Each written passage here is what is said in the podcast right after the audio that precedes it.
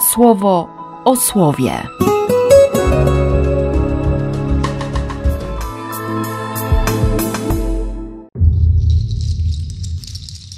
Dziewiętnasty stycznia, środa. Po coś tu przylazł? Komu zostawiłeś to mizerne stado owiec na pustkowiu? Znam tę twoją wyniosłość i zepsucie twojego serca. Przylazłeś tu, żeby posmakować wojny? No, Eliab tak y, średnio traktuje swojego młodszego brata. Tym bardziej, kiedy Dawid wypytuje o to, jaka jest nagroda za zabicie Filistyna. No cóż, nie taki Goliat straszny, jak go malują, tak? To w sumie jest prawda.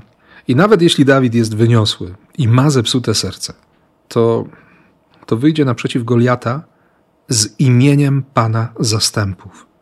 Imię Pana zastępów. Uświęcić imię Boga. Jeden bezcześci imię Boga, drugi chce uświęcić. Hilul Hashem i Kiddush Hashem. Ha, wystarczy kamień. To, czego nauczył się za dzieciaka. Zupełnie wystarczy, by poradzić sobie z Goliatem, przed którym drżą wszyscy.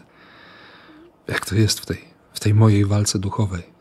Tak się przyglądam. W sumie od, od wczoraj. Strach na ogół ma wielkie oczy. A odkrycie tego, czego doświadczał Dawid od momentu namaszczenia przez Samuela, że duch Pana zstępował na Dawida, ta świadomość, że jesteśmy świątynią Ducha Świętego, że, że naprawdę Duch Boży daje właściwą ocenę i ogląd sytuacji, pozwala nie lekceważyć zła, ale też nie przeceniać Jego obecności, Jego siły. Większy jest ten w nas od tego, który jest w świecie. Tylko pytanie, czy, czy trwam w łasce? Czy chcę, aby imię Pana zastępów objawiało się? Imię, którym jest jestem obecny, jestem tutaj, jestem teraz, jestem dla Ciebie. Relacja. Wtedy i wyniosłość nauczy się pokory i zepsute serce stanie się zdrowe.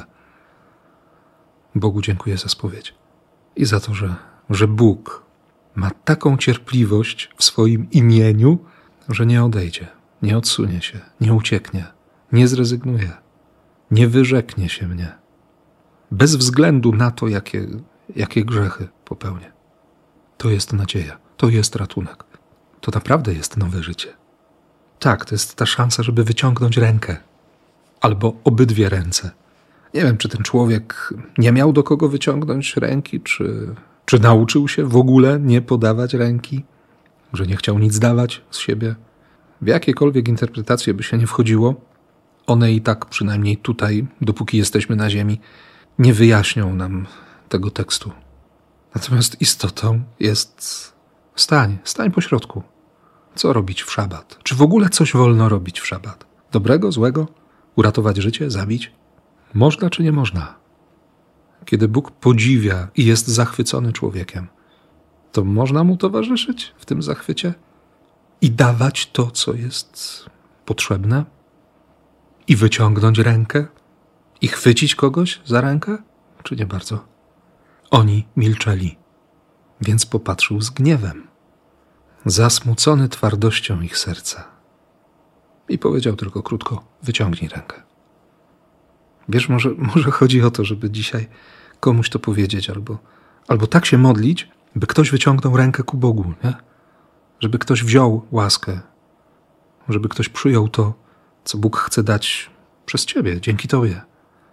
Może dziś, Ty albo ja, będziemy wezwani do tego, by, by komuś podać rękę albo serce.